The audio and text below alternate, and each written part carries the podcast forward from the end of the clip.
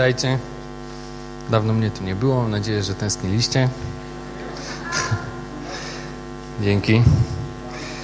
E, kochani, będziemy sobie rozmawiać w dalszym ciągu o chrześcijaństwie, o naśladowaniu Jezusa. Łatwo jest naśladować Jezusa? Zależy. Dobra. Zdania są, e, zdania ekspertów są podzielone. Jeśli ktoś uważa, że łatwo, niech do mnie przyjdzie, chce Cię poznać i chce się od Ciebie uczyć. E, kochani, są niesamowite obietnice Boże w Biblii dotyczące nas. Otóż Bóg przeznaczył nam, czyli swoim dzieciom, żebyśmy robili te same rzeczy, które czynił Jezus. Podążali Jego śladami i mieli podobne rezultaty. Amen. Amen. Dobra. Często patrzymy sobie na życie Jezusa, widzimy te cudowne, piękne chwile, kiedy po prostu Bóg swoim słowem przez Jezusa zmieniał całą rzeczywistość. E, I to jest niesamowite. I to również jest naszym dziedzictwem w Chrystusie. Ale to nie jest wszystko, czego doświadczał Jezus, będąc na tej ziemi. Mm, kochani, zajmijmy się Jezusem, przyjrzyjmy się, jak wyglądało Jego życie. Zaczniemy sobie od początku Nowego Testamentu, od Ewangelii Mateusza. Mm, to jest pierwszy moment, kiedy w Biblii w ogóle pojawia się Jezus i pojawia się On w czwartym rozdziale. Pierwszy rozdział to są narodziny Jezusa, drugi rozdział to są mędrcy ze wschodu, co im Herod nie powiedział, gdzie jest Jezus narodzony, a oni w drodze powrotnej nie powiedzieli Herodowi. A trzeci rozdział to jest moment, gdzie pojawia się Jan Chrzciciel, zapowiada przyjście Chrystusa i Chrystus pojawia się dopiero na sam koniec trzeciego rozdziału, kiedy przychodzi do Jana, chrzciciela, aby dać się ochrzcić. Pierwsze, co zrobił Jezus, to nie zamienił wody w wino. Pierwsze, co zrobił Jezus, to przyszedł do Jana i dał się ochrzcić. Myślę, że to już jest pierwsza lekcja, którą powinniśmy e, z Ewangelii, z historii Jezusa wyciągnąć, że nasze życie powinno być poddane i poświęcone Bogu. Dopiero wtedy reszta rzeczy ma w ogóle szansę się ułożyć.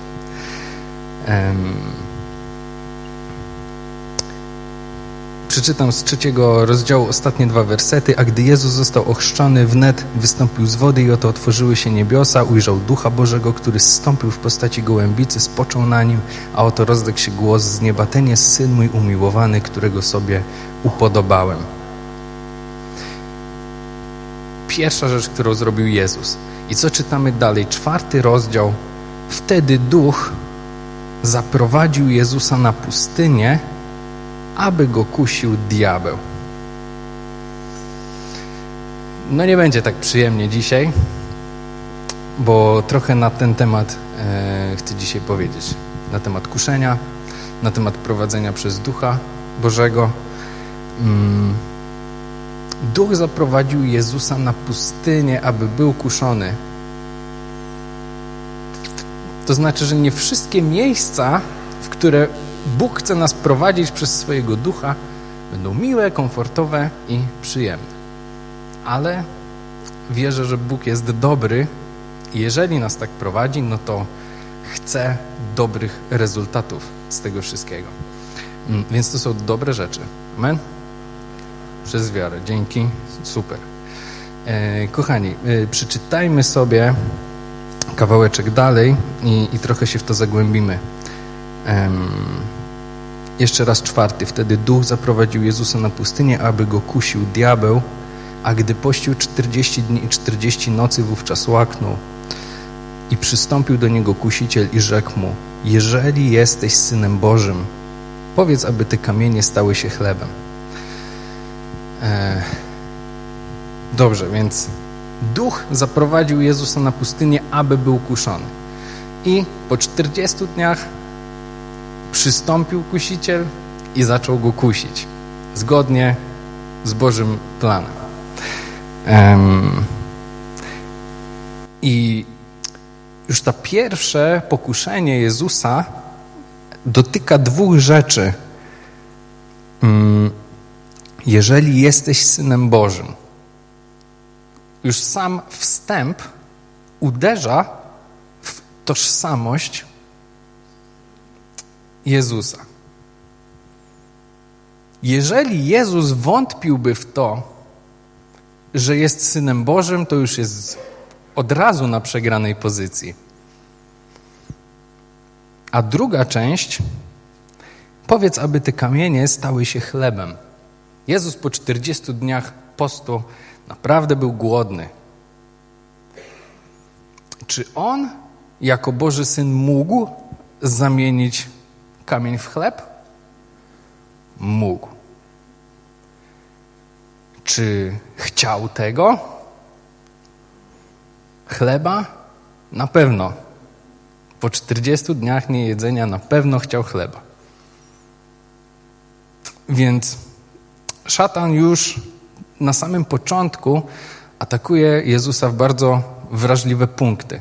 Pierwsze tożsamość, drugie pragnienia ciała. E, dobrze, i tu się zatrzymamy, zanim pójdziemy sobie dalej.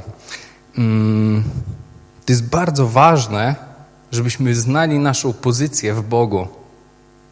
Jeżeli nie będziemy wiedzieć, jakie mamy prawa, jaką pozycję mamy przez Boga w Chrystusie, ciężko nam będzie stawiać czoła różnym takim próbom i, i wyzwaniom, które gdzieś życie nam będzie e, stawiać przed nami, a wiele z tych rzeczy jest wolą Bożą, bo Duch prowadził Jezusa, aby był kuszony. Więc i nas często będzie Bóg prowadzić w miejsca, w których będą testowane różne nasze rzeczy. I to jest bardzo ważne. No dobrze, dlaczego? Bóg chce testować naszą wiarę. Wiara musi być testowana, dlatego że wiara jest działaniem. Potrzebujemy prób, aby nauczyć się praktykowania wiary, czyli reagowania wiarą nie tylko w przekonaniu serca, ale w fizycznym działaniu. To jest jedno. Drugie, mm, potrzebujemy prób i testów, dlatego że przechodzenie tych prób powoduje w nas wytrwałość. A Bóg chce mieć tą pewność, że my jesteśmy wytrwali w naszej wierze, zanim powierzy nam większe rzeczy. Okay? Więc to jest naprawdę ważne. Co do tożsamości, w Ewangelii Jana 1, 12, 13 tym zaś, którzy przyjęli Chrystusa, dał prawo stać się dziećmi Bożymi. Tym, którzy wierzą w imię Jego. Którzy narodzili się nie z krwi, ani z cielesnej woli, ani z woli mężczyzny, lecz z Boga. Więc tym, którzy narodzili się z Chrystusa, Bóg daje prawo stać się dziećmi Bożymi. I co się tyczy Bożych dzieci, czytamy w liście do Rzymian 8, 15 do 17. Wszak nie wzięliście ducha niewoli, by znowu ulegać bojaźni, lecz wzięliście ducha synostwa, w którym wołamy Abba Ojcze. Ten to duch świadczy wespół z duchem naszym, że dziećmi Bożymi jesteśmy. A jeśli dziećmi, to i dziedzicami, dziedzicami Bożymi, a współdziedzicami Chrystusa, jeśli tylko razem z Nim cierpimy, abyśmy także razem z Nim uwielbieni byli. Przyjęcie Chrystusa, jak przyjmujemy Chrystusa? Przez wiarę. I czytamy w Ewangelii, że wielu z Żydów, faryzeusze od choćby Chrystusa odrzucili. Co to znaczy, że go odrzucili? Nie uwierzyli w to, że jest synem Bożym, że jest Mesjaszem. Przyjęcie natomiast Chrystusa oznacza uwierzenie w to, że jest synem Bożym. Mm. Dobrze, i przyjęcie Chrystusa nie oznacza tylko samego faktu wiary w to, że jest Bożym Synem. Mm. W Kolosan drugi rozdział czytamy, jak przyjęliście Chrystusa, Pana, tak w Nim chodźcie.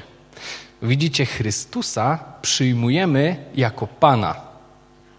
Jeśli Chrystusa uznajemy jako Pana, to stawiamy Go na odpowiedniej pozycji w naszym życiu. Pozycji kogoś, kto ma prawo decydować i rządzić. Więc kiedy my przyjmujemy Chrystusa, to uznajemy Go Panem naszego życia, czyli nie tylko wierzymy w to, że, że On jest Synem Bożym, ale również gotowi jesteśmy Mu się poddać. I to jest konieczne, jeśli chcemy doświadczać Bożego życia. Dlatego Jezus dał się ochrzcić, żeby pokazać nam, że i my musimy być zanurzeni w Bożej woli. Wszystko, co jest w nas, ma być poddane Bogu. Wtedy On ma w ogóle prawo i możliwość działać przez nas. Mm.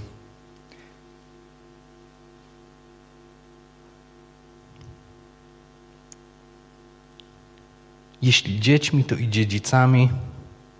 Rzymian 8:17 i dziedzicami Bożymi, współdziedzicami Chrystusa, jeśli tylko razem z Nim cierpimy, abyśmy także razem z Nim uwielbieni byli. Jeśli tylko razem z Nim cierpimy. W Łukasza mamy wyjaśnienie, że żaden sługa nie może dwóm panom służyć, gdyż albo jednego nienawidzieć będzie, a drugiego miłować, albo jednego trzymać się będzie, a drugim pogardzi. Nie możecie Bogu służyć i mamonie. Dlatego potrzebujemy zmierzyć się z tematem chrztu, gdzie chrzest jest pełnym poddaniem się Bogu, pełnym zanurzeniem się w Jego woli, mm, tak abyśmy żyli dla Niego, nie dla siebie.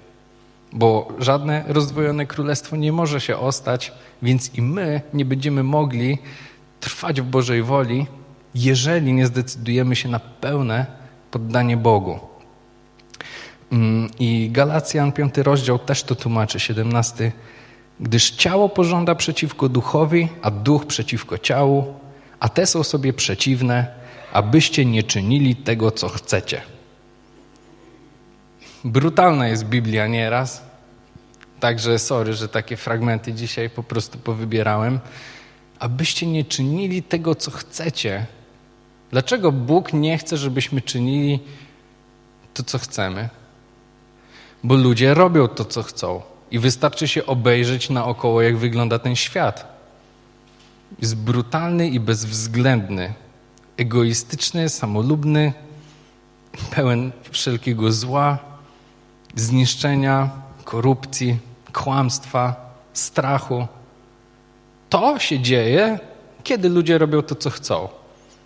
Więc kiedy Biblia mówi nam o tym, że duch jest w opozycji do ciała, żebyśmy nie robili to, czego, to co chcemy, to jest taka Boża gwarancja i obietnica tego, że On chce nas uchronić przed efektem tego, co, co przynosi robienie tego, co chcemy. Więc potrzebujemy zaufać Bogu i poddać Mu się, wiedząc, że On jest dobry i choćby nas prowadził, jak śpiewaliśmy ciemną doliną, to On jest dobry. I wszystko dzieje się z jakiegoś powodu, aby On odebrał sobie chwałę i aby mógł czynić dobre rzeczy przez nas. Dobrze, wracamy do Jezusa na pustyni. Jeśli jesteś synem Bożym. I teraz Rzymian 8, 13, 14. Jeśli bowiem według ciała żyjecie, umrzecie. Ale jeśli duchem sprawy ciała umartwiacie, żyć będziecie. Więc duch nas prowadzi do życia, a ciało nas prowadzi do śmierci. To jest proste. I kolejny wers mówi: Bo ci, których duch Boży prowadzi, są dziećmi Bożymi. Jeśli jesteś synem Bożym, powiedz, aby te kamienie stały się chlebem. I po tym wstępie mam nadzieję, że już czujemy to diabelskie zakłamanie w tym pierwszej próbie pokuszenia Jezusa. Jeśli jesteś synem Bożym, powiedz, aby kamienie stały się chlebem. Wiemy jednak z pisma, że jeśli jesteśmy synami Bożymi, dziećmi Bożymi, to nie kierujemy się fizyczną potrzebą, ale duchową. Duch nas prowadzi jako dzieci Boże, nie fizyczne żądze.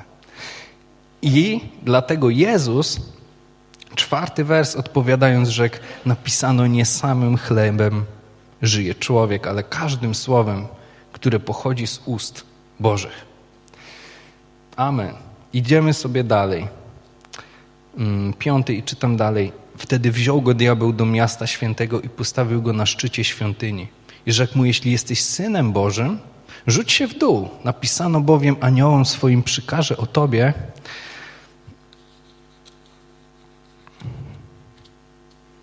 abyś nie zranił o kamień nogi swojej. Jezus mu rzekł, napisane jest również, nie będziesz kusił Pana, Boga swego. I znowu wziął go diabeł na bardzo wysoką górę i pokazał mu wszystkie królestwa świata oraz chwałę ich i rzekł mu, to wszystko dam ci, jeśli upadniesz i złożysz mi pokłon. Wtedy rzekł mu Jezus, idź precz szatanie, albowiem napisano Panu Bogu swemu pokłon oddawać i tylko Jemu służyć będziesz. Wtedy opuścił go diabeł, a aniołowie przystąpili i służyli mu. Dobrze. E, tak wyglądało kuszenie Jezusa na pustyni. Mm. Je, Jezus cały czas musiał się zmagać z dwiema rzeczami. Pierwsza, o której wspomniałem na początku, czyli szatan mówi, jeśli jesteś synem Bożym. To jest pierwsza rzecz, którą szatan atakuje, czyli naszą tożsamość. Dlatego zachęcam Was, warto jest się w tym utwierdzać, czytać Boże obietnice, czytać Boże Słowo, które mówi nam o tym, w jakim my jesteśmy miejscu przed Bogiem. Druga rzecz, z którą się Jezus y, musiał mierzyć, to po kolei najpierw głód, tak?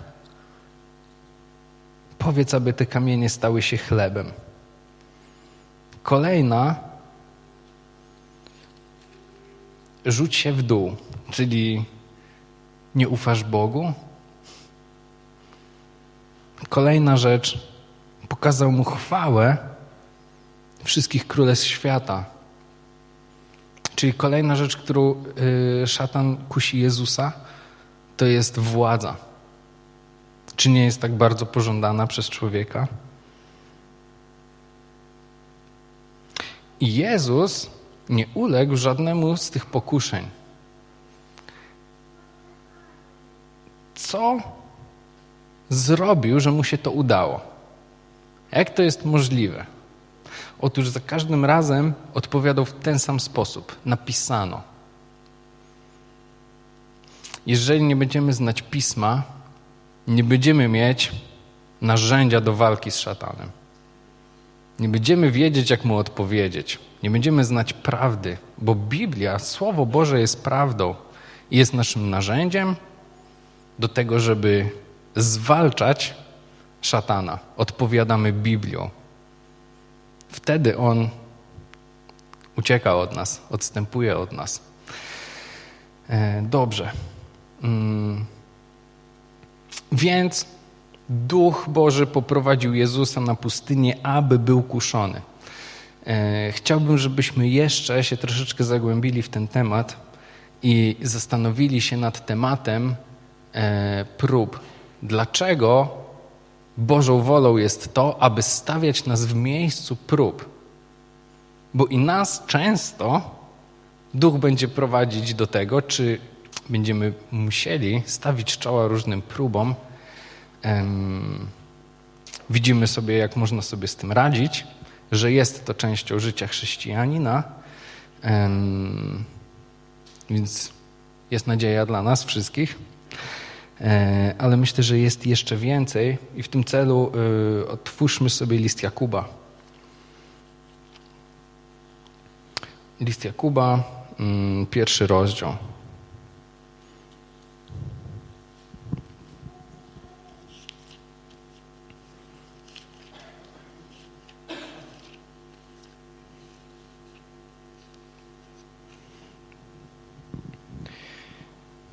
Dobrze.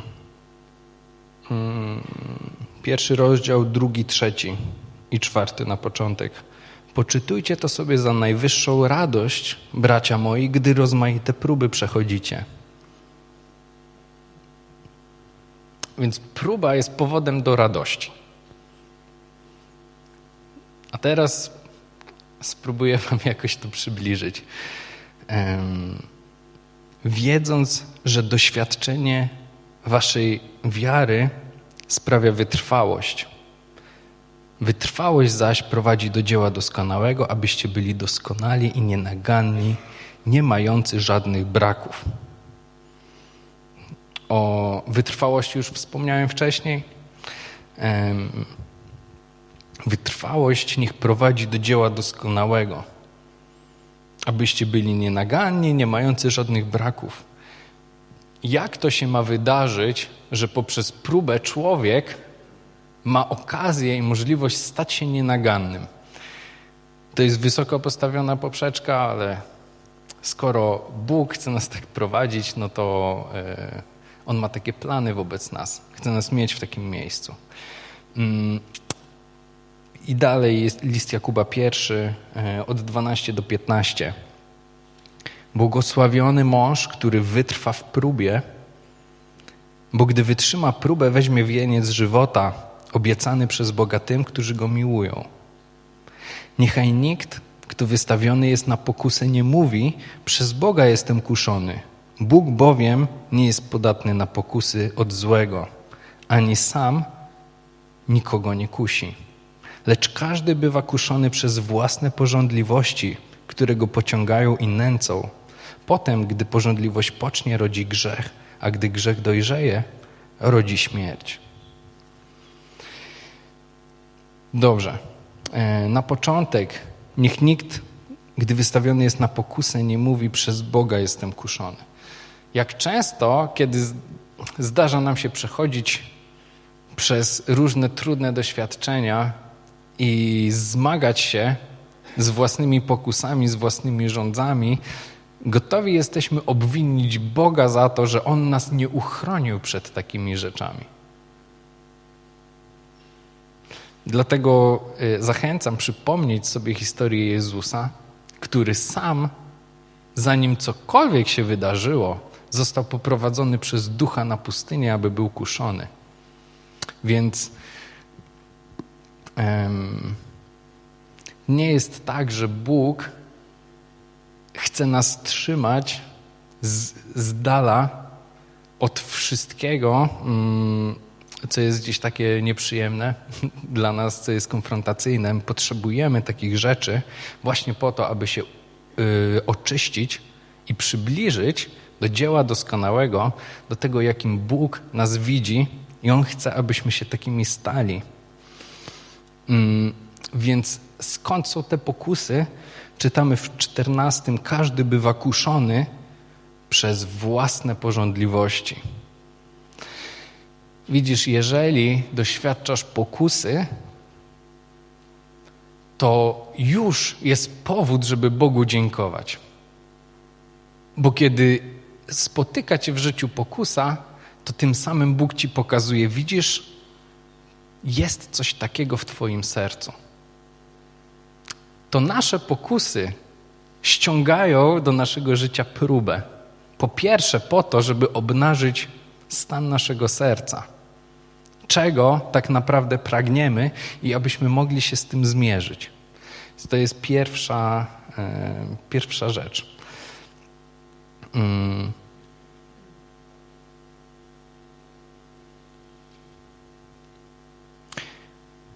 Dobrze, wrócę do tego, co e, przeczytałem wcześniej z Rzymian. Jeśli według ciała żyjecie, umrzecie. Jeśli duchem sprawy ciała umartwiacie, żyć będziecie. Więc kiedy Bóg pozwala na to, abyśmy byli doświadczeni próbą, On nas chce uchronić od śmierci. Dlatego pozwala, abyśmy doświadczali takiej konfrontacji. Mm. Więc każdy bywa kuszony przez własne porządliwości, które go pociągają i nęcą. Potem, gdy porządliwość pocznie, rodzi grzech, a gdy grzech dojrzeje, rodzi śmierć. E, tu mamy pięknie opisany cały mechanizm, jak to działa po kolei. Więc najpierw, gdy porządliwość pocznie, jest taki moment, kiedy nasza porządliwość pojawia się w nas, i to jest najważniejszy moment tej duchowej walki, który potrzebujemy rozpoznać. Czyli zanim, zanim się rozwinie w naszym sercu pragnienie niezgodne z Bożą wolą, my jesteśmy w stanie tą porządliwość dzięki po prostu Bożej łasce, Bożej sile zdusić, zanim porządliwość pocznie i zrodzi grzech. Grzech jest konsekwencją porządliwości, która nie została ujarzmiona odpowiednio wcześniej. Hmm. Dobrze.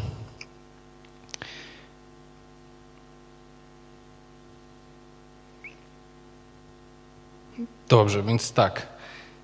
Możemy dziękować Bogu już za sam fakt, że pojawia się próba, bo ona obnaża nasze serca wiemy, że mamy jakąś porządliwość w nas.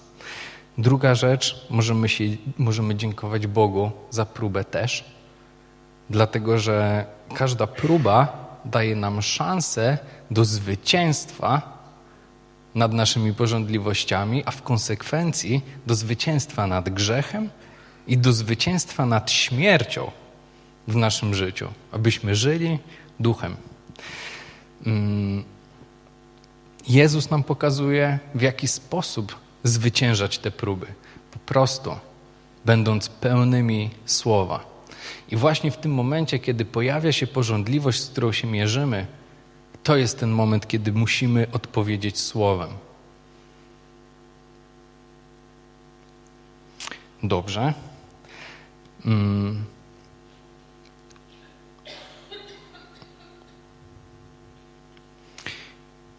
Nie zawsze jest tak, że nam się uda, bo każdy z nas, myślę, zmagamy się z grzechem.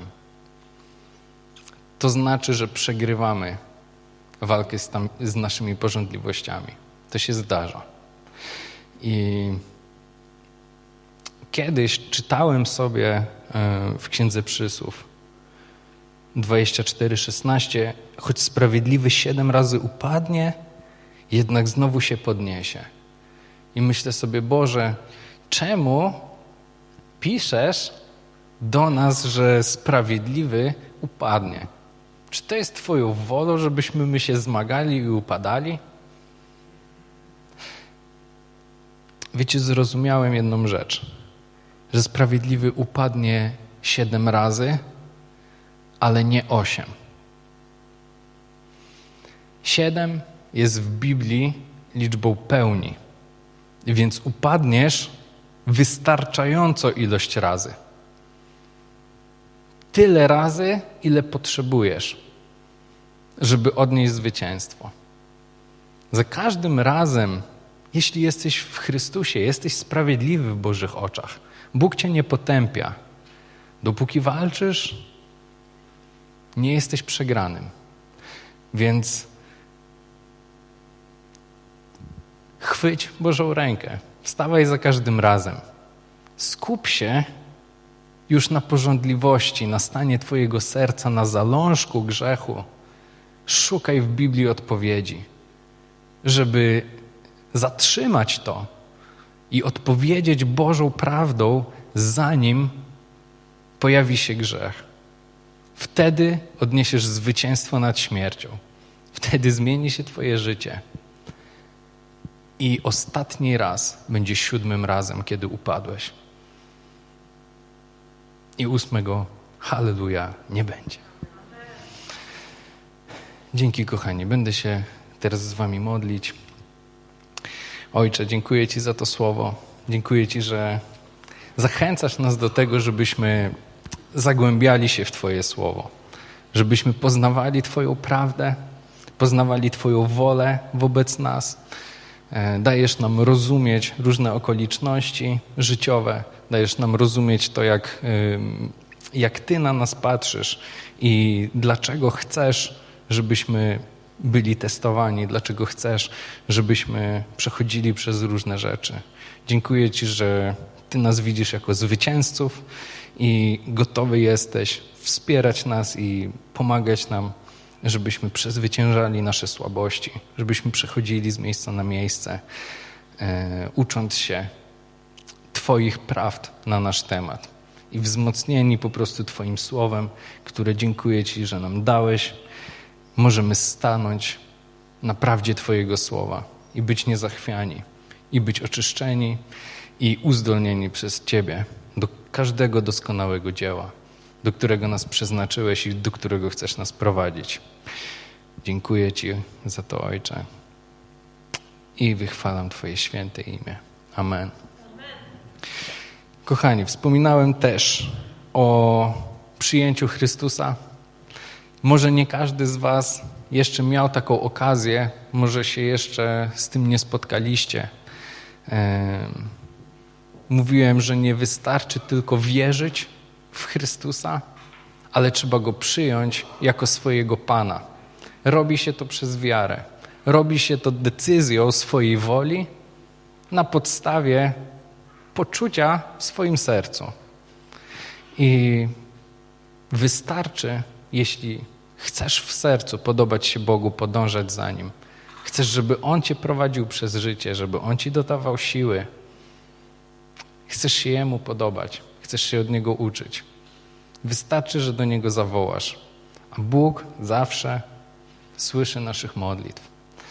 Więc jeśli jesteś tutaj albo słuchasz nas mm, przez transmisję, czy dzisiaj, czy kiedyś tam w przyszłości, mm, będziemy się teraz modlić. Możesz się dołączyć do tej modlitwy, wyrazić swoje serce przed Bogiem i powierzyć Mu swoje życie. Oddajmy swoje życie Bogu. Ojcze, dziękujemy Ci za Jezusa Chrystusa. Dziękujemy Ci, że posłałeś Go, aby otworzyć nam drogę przed Twój święty tron drogę do relacji z Tobą. I dzisiaj wyznajemy naszą wiarę w Jezusa. Wierzymy w to, że Jezus jest Twoim synem. Wierzymy w to, że umarł, aby oczyścić nas z naszych grzechów i z ciężaru konsekwencji tych grzechów.